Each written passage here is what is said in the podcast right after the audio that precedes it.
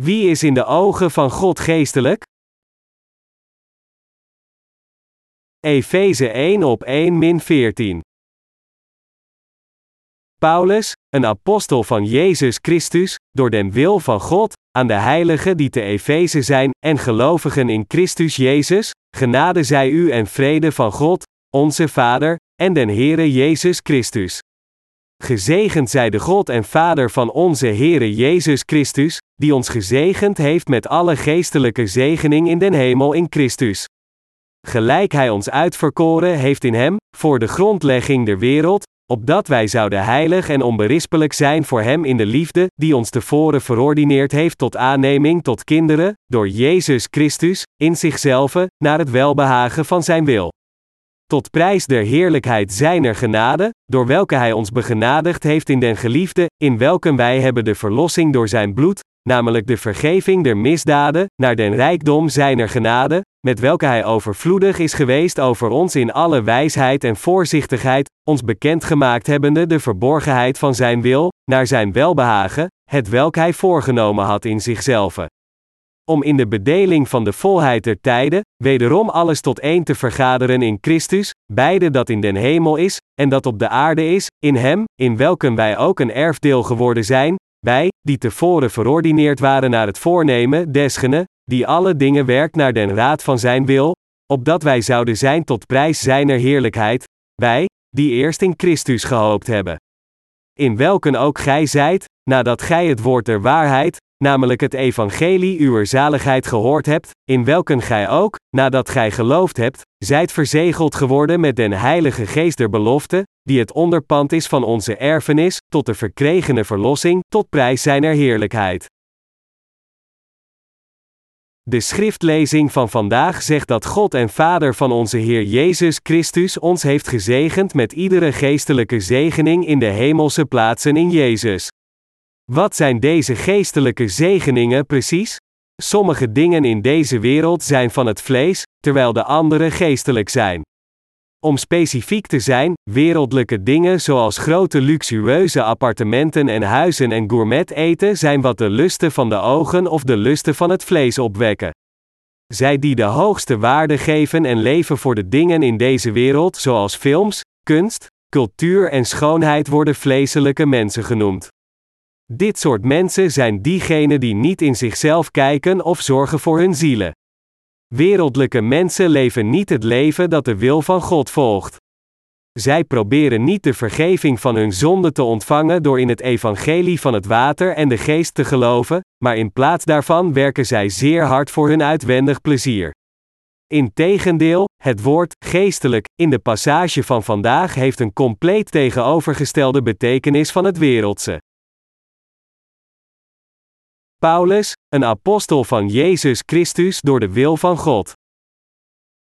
Het boek van Efeze begint met de volgende zin: Paulus, een apostel van Jezus Christus, door den wil van God, aan de heiligen, die te Efeze zijn, en gelovigen in Christus Jezus. De apostel Paulus schreef deze brief speciaal aan de trouwe heiligen in Efeze. Hij stuurde deze brief niet naar de vleeselijke mensen in deze wereld, maar naar diegenen die de vergeving van zonden ontvingen door in de Zoon van God, Jezus Christus te geloven. Hij wilde deze geestelijke zegeningen van de hemel met hen delen. Naar wie verwijzen deze heiligen hier? De heiligen verwijzen naar de rechtvaardigen door de wil van de Heer. De heiligen zijn diegenen die volledig heilig en zonder zonde zijn geworden door de vergeving van hun zonde te ontvangen door het evangelie van het water en de geest. De passage van vandaag vermeldt ook de gelovigen, die naar diegenen verwijzen die geen vreugde vinden in de dingen van deze wereld, maar leven voor de dingen van de hemel. Met andere woorden, het zijn diegenen die nu werken voor de hemelse opdrachten na de ontvangst van de vergeving van zonde door hun geloof in het evangelie van het water en de geest te leggen. Er zijn twee soorten van mensen onder diegenen die beweren in Jezus als hun verlosser te geloven. Een soort van christen is wedergeboren van al zijn zonden, terwijl de andere soort nog steeds in zonde verblijft. Diegenen die niet bevrijd zijn van hun zonde zelfs nadat zij hun geloof in Jezus hebben gelegd zijn zondaars. Van de andere kant, diegenen die de vergeving van hun zonde hebben ontvangen door te geloven in het evangelie van het water en de geest zijn de heiligen, die het koninkrijk van de hemel zullen binnengaan. Bent u een van Gods heilige door in uw hart het evangelie van het water en de geest te accepteren? Zelfs onder diegenen die de vergeving van zonde hebben ontvangen door te geloven in het evangelie van het water en de geest, vinden we twee soorten heiligen. Een soort zoekt naar wereldlijke dingen, en de ander zoekt naar de rechtvaardigheid van God. Zelfs onder de zogenaamde christenen van vandaag zijn er zoveel mensen die nog steeds gebonden zijn aan hun zonden als gewone kerkgangers. Ongeacht hoe serieus zij de Heer ook dienen, God noemt hen gewoon zondaars, want zij kennen de waarheid van het evangelie van het water en de geest niet. God beschouwt hen niet als heiligen. Of zij pastors, ouderen, diakens, evangelisten of gewone kerkgangers zijn, zij hebben de Heilige Geest niet in hun harten omdat zij niet bevrijd zijn van hun zonde door het evangelie van het water en de geest te accepteren. Zelfs mensen met de titel pastor in christelijke geloofgemeenschappen zijn gewoon zondaars in Gods ogen, als zij nog steeds zonden in hun harten dragen. Sinds zij niet al hun zonden hebben weggewassen door het geloof in het evangelie van het water en de geest, zijn hun ambten niets meer dan wereldlijke ondernemingen. Hun werk is om zichzelf te voeden en zij zijn gewoon huurlingen. Zij zien hun banen als een van de vele beroepen die zij in deze wereld kunnen uitvoeren om in hun levensonderhoud te voorzien. God noemt hen huurlingen. De titel van een pastoor komt van de betekenis dat zij Gods kudde wijden en naar de weg van zaligmaking en zegeningen van God leiden. Daarom, als predikers alleen zorgen voor zichzelf, dan zijn zij niet Gods dienaren maar gewoon huurlingen.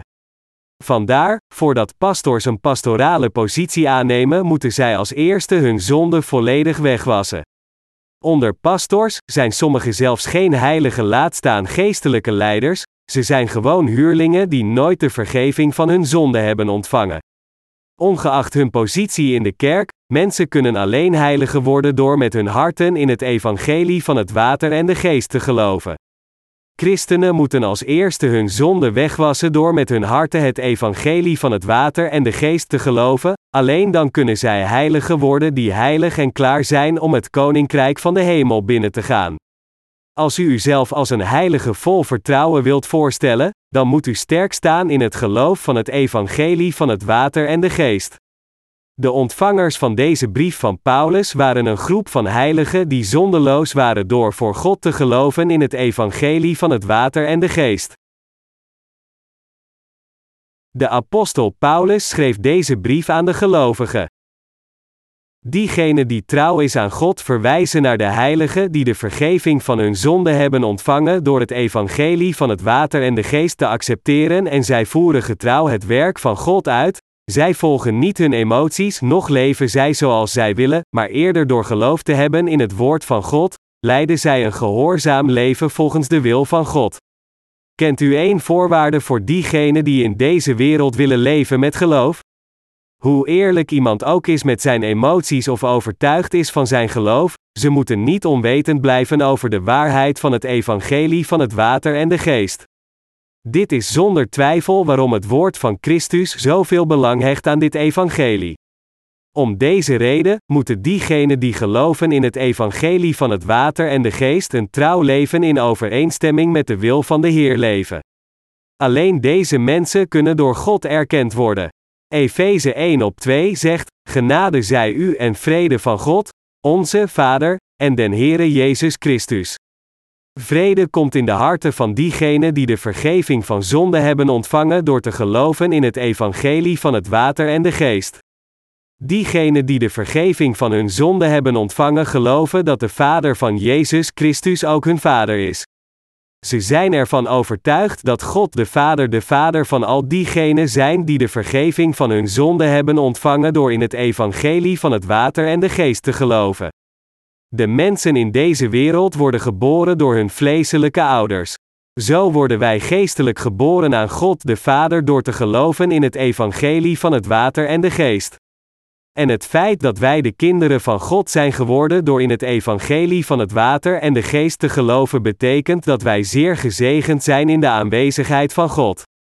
Anderen worden echter geboren aan Satan. Zij hebben de slechtste vader. Of u een kind van God of een kind van Satan wordt hangt van één ding af, en dit is, of u wel of niet de vergeving van uw zonde hebt ontvangen door te geloven in het evangelie van het water en de geest. De apostel Paulus erkende God als God de Vader. Alleen de gelovigen van het evangelie van het water en de geest die de vergeving van al hun zonden hebben ontvangen kunnen een dergelijke verklaring geven. De niet wedergeborenen, die het evangelie van het water en de geest niet kennen, en van wie de zonden nog niet zijn kwijtgescholden, kunnen God niet onze Vader noemen. Voor de christelijke zondaars die niet geloven in het evangelie van het water en de geest, is God nog niet hun Vader. Christelijke zondaars zullen geen antwoord van God krijgen, ongeacht hoe vurig zij God ook hun Vader noemen. Zij weten niet zeker of God hun gebeden heeft gehoord. Om deze reden voelen zondaars zich gefrustreerd. Niettemin, diegenen die heiligen zijn geworden door te geloven in het evangelie van het water en de geest hebben de ware genade en vrede die van Jezus Christus en van God de Vader komt. De genade van zaligmaking en de ware vrede bevinden zich in onze harten omdat wij geloven in God volgens de rechtvaardigheid van Jezus Christus. Van de andere kant is het niet gepast voor zondaars om God Abba Vader te noemen. Waarom is dat? Omdat hun harten nooit het evangelie van het water en de geest hebben geaccepteerd, de rechtvaardigheid van God, zij leven als zondaars die nog steeds niet zijn wedergeboren in de geest. Alleen diegenen van ons die de vergeving van zonde hebben ontvangen door het evangelie van het water en de geest kunnen God als onze Vader noemen.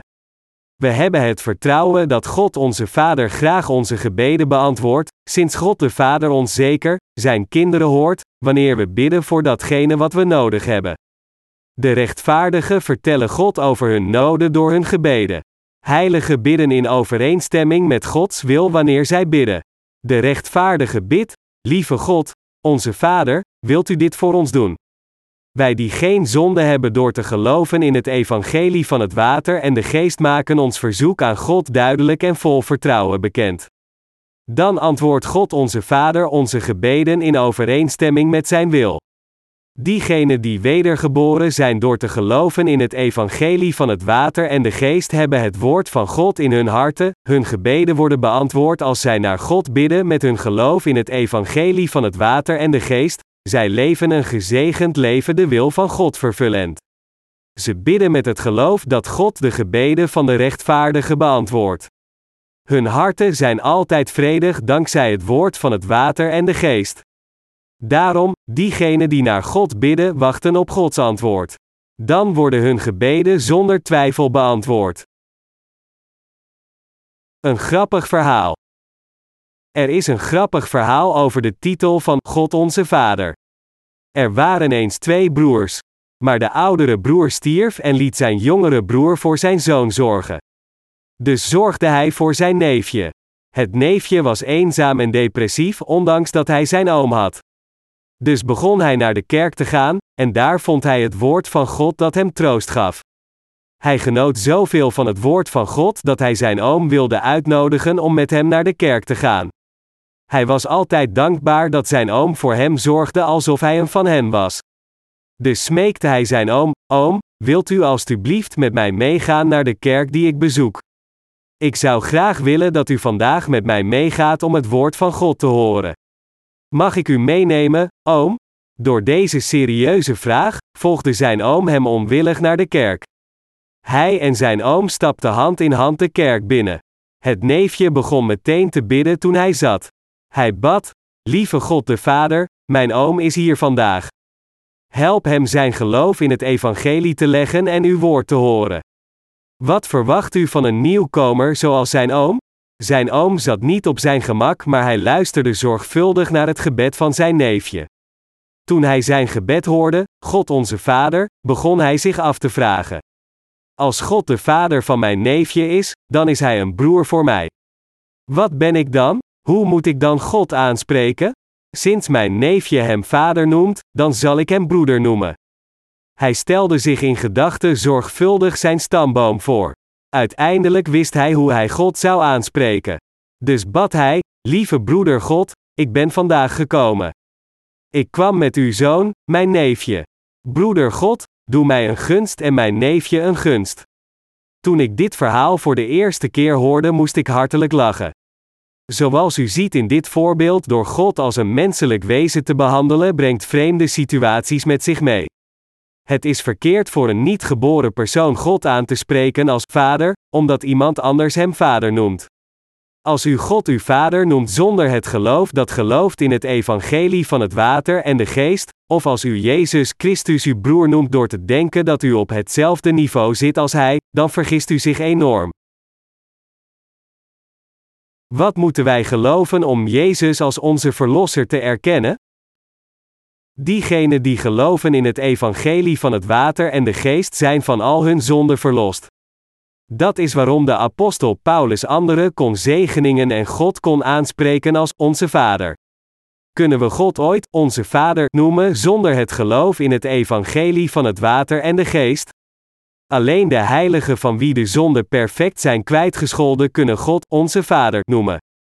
Het gebed van de Heer in het Nieuwe Testament gaat als volgt: Onze Vader, die in de hemelen zijt. Uw naam worden geheiligd, uw koninkrijk komen, uw wil geschieden, gelijk in den hemel alzo ook op aarde. Matthäus 6 op 9 min 10. Ook in dit gebed werd God als onze Vader aangesproken. God onze Vader hield zoveel van ons dat Hij al onze zonden voor eens en altijd doorgaf aan Zijn Zoon Jezus Christus door het doopsel. Hij heeft ons de ware gelovigen zo zondeloos gemaakt. Door Zijn Zoon heeft Hij al onze zonden in een keer weggenomen met het evangelie van het water en de geest, en ons van al onze zonden bevrijd. Ondanks dit alles zijn er mensen die dit geloof niet hebben om God als Vader aan te spreken omdat zij het evangelie van het water en de geest niet kennen. Dit is zeer jammer. Zij weten niet dat Jezus Christus al voor eens en altijd zorg heeft gedragen voor hun zonde met het evangelie van het water en de geest, en als gevolg daarvan kunnen zij niet anders dan zonden in hun harten te herbergen. Dat is waarom zij God niet als onze Vader kunnen aanspreken in geest en in waarheid. Dergelijke mensen kunnen de heilige God niet zien als gevolg van hun zonde die nog steeds intact in hun harten zitten. Ze kunnen onze lieve Vader of onze Vader in hun gebeden blijven herhalen, maar in realiteit leiden zij een vervreemd leven buiten Jezus Christus vanwege hun zonde. Sinds zij niet geloven in het evangelie van het water en de geest, zijn zij bang en bewust van andere mensen als zij God aanroepen of naar Hem bidden. Wie gelooft in Jezus als de Verlosser moet begrijpen en geloven dat God hen al gered heeft van al hun zonden met het evangelie, het water en de geest. Kunt u als christen beleiden dat u oprecht in de waarheid gelooft dat Jezus al de zonde van de wereld wegnam met het evangelie van het water en de geest? Als u nog steeds niet de waarheid kent die kwam door het water en de geest, dan moet u zeker de waarheid leren om gered te worden. Dit is het geloof van al diegenen die gered zijn geworden van al hun zonden door in Jezus te geloven als hun verlosser. Jezus kwam naar deze aarde en redde het hele menselijke ras van hun zonden met het evangelie van het water en de geest. We moeten dit geloof in het evangelie van zaligmaking tot het eind van de wereld verspreiden. U moet de vergeving van zonden in uw harten ontvangen door in het evangelie van het water en de geest te geloven. Als u Jezus door het evangelie van het water en de geest begrijpt, dan kunt u oprecht in Jezus geloven als de Verlosser. Als u zegt, ik geloof gewoon in Jezus, zonder de juiste kennis dat Jezus ons van al onze zonden heeft bevrijd met het evangelie van het water en de geest, kunt u niet anders dan een zondaar te blijven. Een dergelijk geloof is niet gebaseerd op waarheid, in plaats daarvan is het een blind geloof en is het niets meer dan een bijgeloof. God wordt niet automatisch uw vader ongeacht hoe lang u een kerk heeft bezocht, u hebt nog steeds zonden in uw hart. God de Vader accepteert alleen de zondelozen als zijn kinderen. Hij accepteert geen zondaars als zijn kinderen omdat zij God hun vader noemen. Ongeveer achter hoe vaak een zondaar de naam van God de Heer ook roept, zijn enige antwoord is niets anders dan het evangelie van het water en de geest. Weet u waarom wij Jezus de Heer Jezus noemen en niet gewoon Jezus? Dat is omdat Hij ons schiep en ons reinigde van al onze zonden. We noemen Hem de Heer, omdat Hij ons schiep en onze Meester is geworden door al de zonden van de mensheid uit te wissen met het evangelie van het water en de geest. Door een dergelijke betekenisvolle uitdrukking van de apostel Paulus kunnen we zien dat hij de waarheid in lekentaal predikte. Van de zeer onwetende tot de goed opgeleide, zoals dokters in de godgeleerdheid, denken dat zij de Bijbel kunnen begrijpen. Echter, de titel, Jezus Christus onze Heer, is inderdaad zeer moeilijk om voor de niet-wedergeborenen te bevatten. Diegenen die blindelings in Jezus geloven en niet weten wie Jezus Christus is of wat Hij gedaan heeft door naar deze aarde te komen, kunnen niet begrijpen wat zijn titel echt impliceert. Dus als we vragen wat de naam van Jezus betekent voor diegenen die vol vertrouwen beleiden dat zij in Jezus geloven, zeggen: Ik weet het niet, maar maakt dat wat uit? Als zij beginnen met hun gebed, dan roepen ze 3x heel hard: Heer. Heer, Heer. Bovendien, terwijl ze bidden, maken ze een emotioneel geïnspireerd tumult met drums en muziek, en als zij geestelijk zijn voorbereid, dan offeren zij in tranen gebeden van berouw zo hard als zij kunnen. Zij geloven dat God hen zal antwoorden als zij zo vurig bidden huilend over hun zonde. Veel christenen denken dat zij nog steeds de vergeving van zonde kunnen ontvangen door deze gebeden van berouw te offeren, ondanks dat zij niet de betekenis van de naam van Jezus kennen. Ze denken dat God hen zal horen als zij God luidkeels roepen, zelfs als zij de betekenis van de naam Jezus Christus niet kennen. Maar hun overtuigingen zijn allemaal te vergeefs. Jammer genoeg zijn er veel pastors die beweren in God als hun verlosser te geloven, maar ze tonen geen enkele interesse in het evangelie van het water en de geest, maar ze spannen zich alleen in om harder te werken. Ze leggen veel nadruk op het bidden naar God.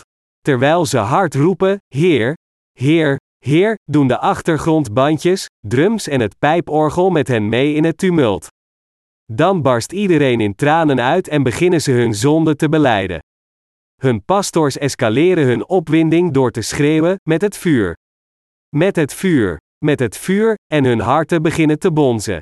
Zo gauw als de leidende pastor van de gebedsbijeenkomst zegt: Laten we samen hardop bidden, beginnen de mensen hun gebeden van berouw nog vuriger met hun hardste stem op te zeggen. De drums beginnen nu harder te klinken, hun harten staan nu vergenoeg open om alles te zeggen wat er in hun harten zit, de mensen beginnen te roepen met al hun energie. Nu zijn hun gebeden meer als onbegrijpelijke waanzin met doofmakende muziek.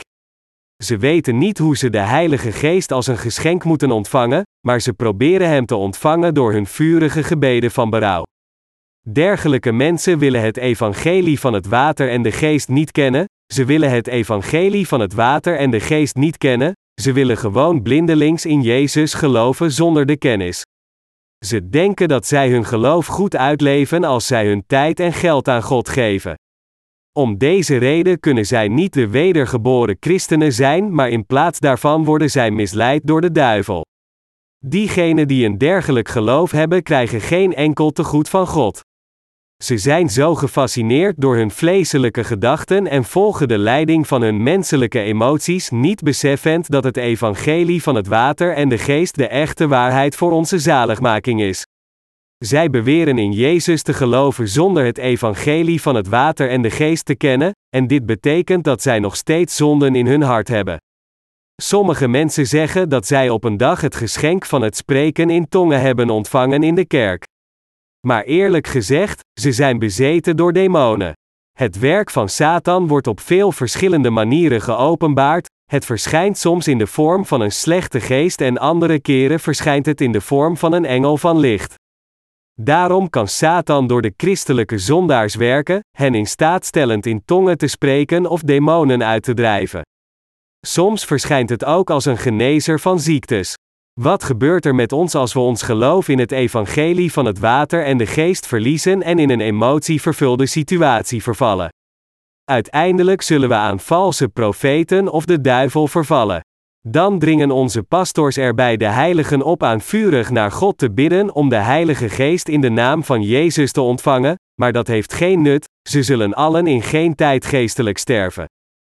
Dergelijke pastros zetten zich in voor het verzamelen van veel offergaven. Zelfs bij het uitzoeken van een hymne, proberen zij een opwindende atmosfeer voor hun congregatie te creëren. Diegenen die betoverd werden door de opwindende muziek en die toegeven aan hun eigen emoties, verliezen de bekwaamheid logisch te denken en gooien hun portemonnee leeg in de collectebus of een offerenvelop. Sommige pastors onder de niet wedergeborenen vragen hun leden hun namen op de enveloppen te schrijven en hen naar de preekstoel te brengen, iedere keer als zij offers geven. Andere pastors bidden op hun beurt voor elk van de donoren in overeenstemming met het bedrag dat zij geofferd hebben aan de preekstoel. Ze prediken aan hun leden dat hoe meer geld zij geven, de meer zegeningen zij zullen ontvangen. Ze zeggen zelfs dat het offeren van al hun bezittingen hen tweevoudige zegeningen zal brengen, dus moeten zij zoveel als zij kunnen offeren. Pas op, deze mensen zijn de dienaren van Satan. Dergelijke mensen hebben niet wat God en Jezus Christus ons gaf de evangelische waarheid van het water en de geest, de genade van zaligmaking en vrede van God. God moedigde de apostel Paulus aan te schrijven naar de heiligen die geloofden in het evangelie van het water en de geest. Paulus schreef aan diegenen die waren wedergeboren met het evangelie van de waarheid die was gegeven aan de kerk van God. Dus, diegenen die niet geloven in het evangelie van het water en de geest kunnen het woord van God en deze brief niet herkennen. Deze niet wedergeboren heiligen begrijpen niet wat Paulus bedoelde toen hij tegen de heiligen in Efeze zei in de begroeting van deze brief dat de vrede van God onze Vader en Jezus Christus met de heiligen zou zijn. Ze zouden nog steeds beweren dat hij op zijn minst de volgende concepten kennen: Jezus, de zaligmaking, het kruis, gebeden van berouw, dienstbaarheid, heiligmaking en voorbestemming. Ze beweren deze dingen zeker te kennen. Maar in werkelijkheid kunnen ze niet in de rechtvaardigheid van Jezus Christus geloven zonder de kennis over het evangelie van het water en de geest.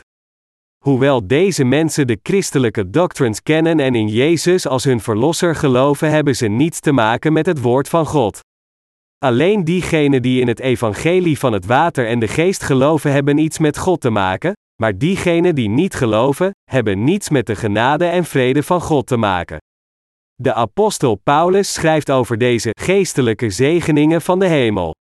In Efeze 1 op 3 schreef hij: Gezegend zij de God en Vader van onze Heere Jezus Christus, die ons gezegend heeft met alle geestelijke zegening in den hemel in Christus. Er staat geschreven dat zelfs voor de schepping van de wereld, God de Vader gepland had ons met geestelijke zegeningen in Christus te zegenen. God de Vader, zijn Zoon Jezus Christus en de Heilige Geest hadden een discussie in de hemel en kwamen tot de beslissing ons te schapen en ons als Gods kinderen te adopteren. De goddelijke drie-eenheid had het plan ons mensen zelfs voor de stichting van het universum geestelijke zegeningen te geven. Met andere woorden, God had al besloten deze geestelijke zegeningen van de hemel aan diegenen te geven die in het evangelie van het water en de geest geloven. Hoe geeft God ons al deze geestelijke zegeningen in de hemelse plaatsen? We vragen ons echt af wat God in zijn gedachten had toen Hij ons van al de zonden van de wereld voor eens en altijd heeft gered. Laten we nadenken waarom God ons onze zaligmaking gaf en waarom Hij ons schiep volgens Zijn beeld. God plande onze zaligmaking voor de stichting van de wereld. God schiep als eerste het universum, waarin Hij Zijn glorie zou openbaren en daarna vervulde Hij de zaligmaking van al de zonden. God schiep Zijn kinderen om voor eeuwig bij Hem te zijn en wij die geloven in het evangelie van het water en de geest zijn, Zijn eigen kinderen.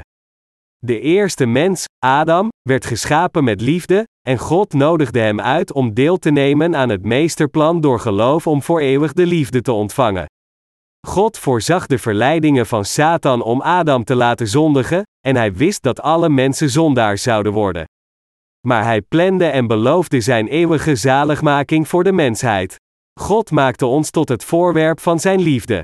Dat is waarom hij ons in de liefde van Jezus Christus heeft gered. Wat ons werd beloofd in Gods liefde en door zijn Zoon is de belofte van zaligmaking naar ons. God heeft ons van alle zonden gered en ons tot zijn kinderen gemaakt, zodat wij zijn zaligmaking kunnen prijzen en er trots zijn. In het begin van deze preek heb ik gezegd dat er twee soorten van mensen zijn, die vleeselijk gericht zijn en die geestelijk gericht zijn.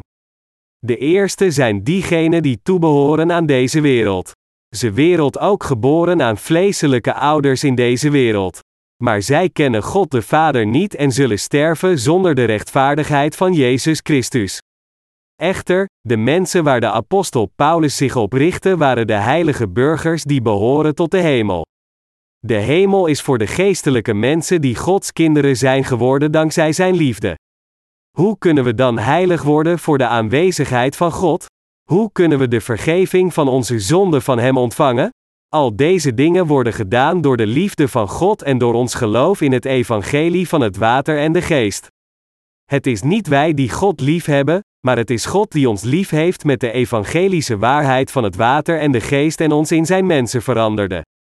God moest onze zonde persoonlijk verwijderen met het evangelie van het water en de geest zodat Hij ons in zijn mensen kon veranderen. Dit was de enige manier voor ons om met Hem te verblijven.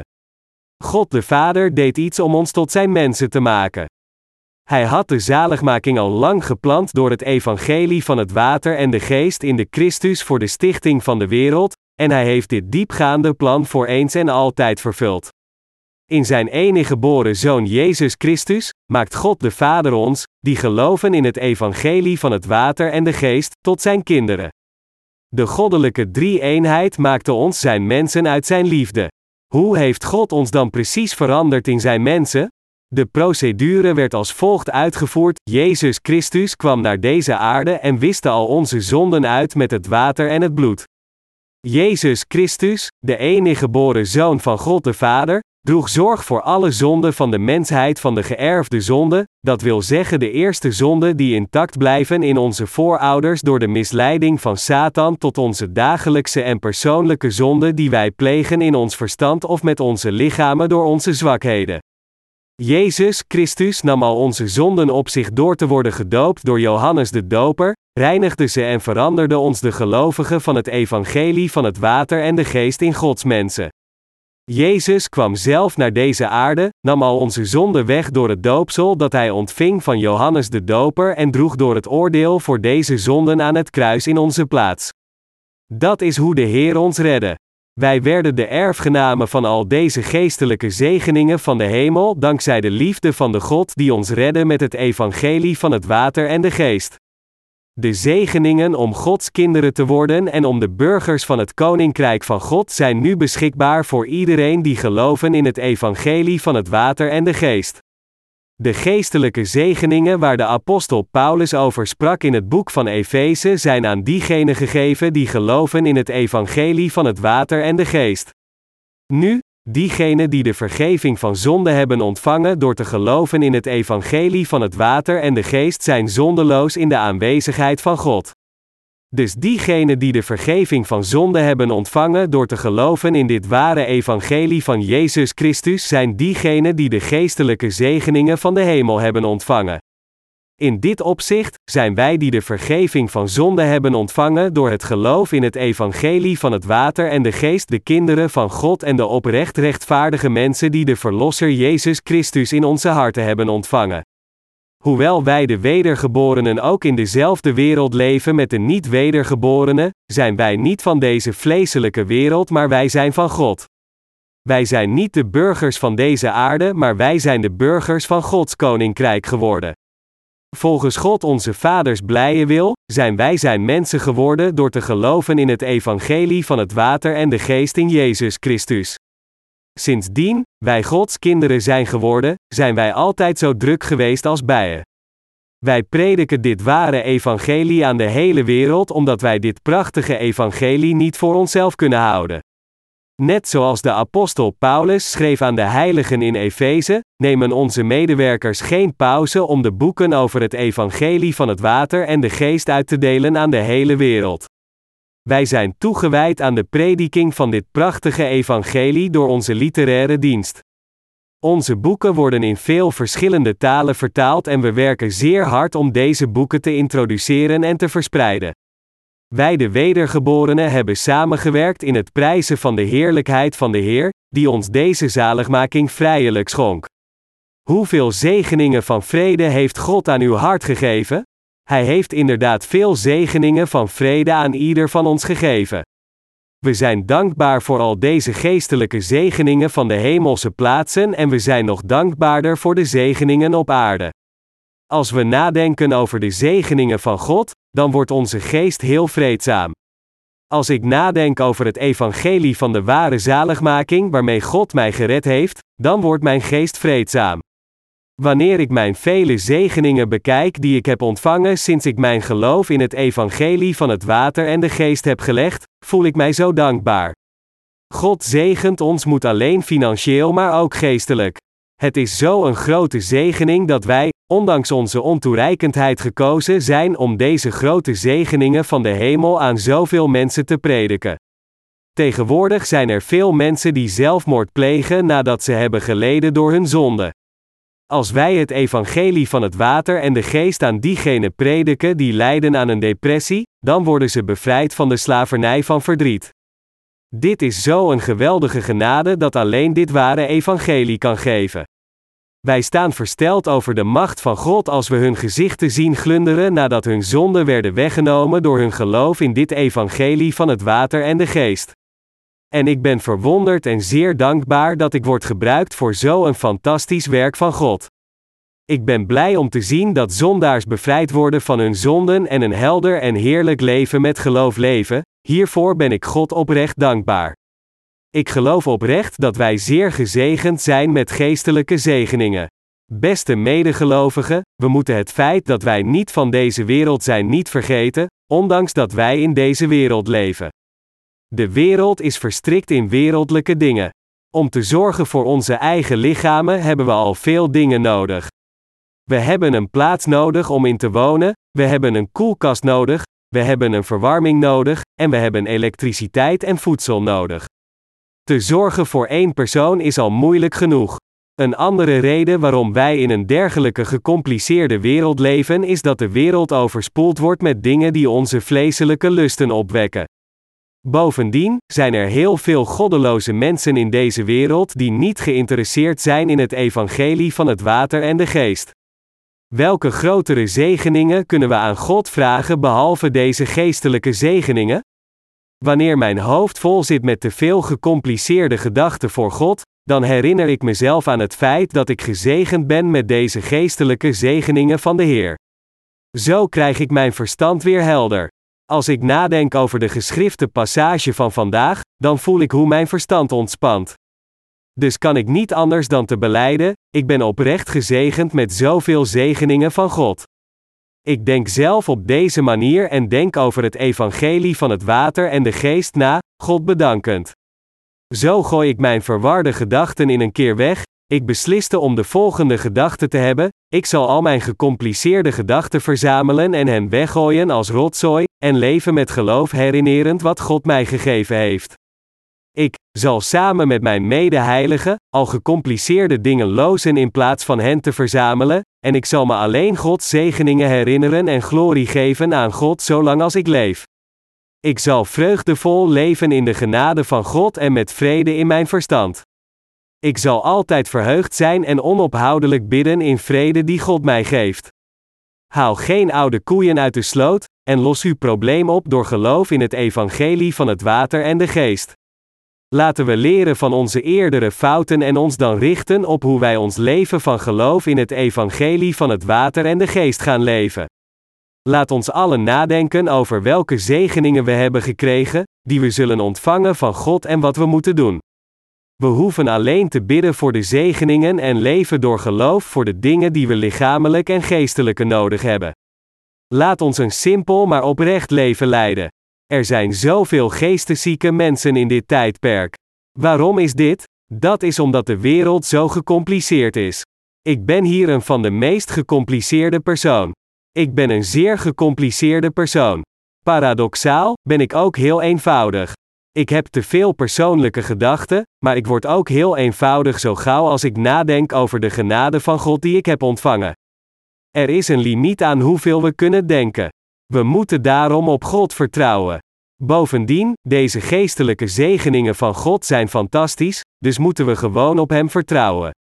Sinds wij de kinderen van God zijn geworden, kunnen we bidden naar God de Vader, en als we bidden, zal Hij onze gebeden beantwoorden. Het grootste antwoord van God is Zijn vrede, en niet de lichamelijke voorspoed van deze wereld. Door zondeloos te worden in uw hart is de prachtigste genade en het grootste geschenk. Een liedje in ons gezangboek gaat als volgt: Vrede, vrede, wonderbaarlijke vrede, komend van de Vader in de hemel. De vergeving van zonden is het grootste geschenk vrede, dat door niets vervangen kan worden. Dit is het onfeilbare geschenk. Ik eer de Heer God voor deze geestelijke zegeningen, in Zijn vrede en in Zijn genade. Laat ons de rest van ons leven God eren en naar Hem bidden en deze zegeningen van Hem ontvangen. Ik hoop dat u in uw hart zult nadenken over de genade van God en de vrede die God u gegeven heeft door de vergeving van al uw zonden. Beste wedergeboren heilige, leef in vrede met geloof. Ik zal voor eeuwig het goede werk van zaligmaking dat God volbracht door zijn Zoon Jezus Christus eren.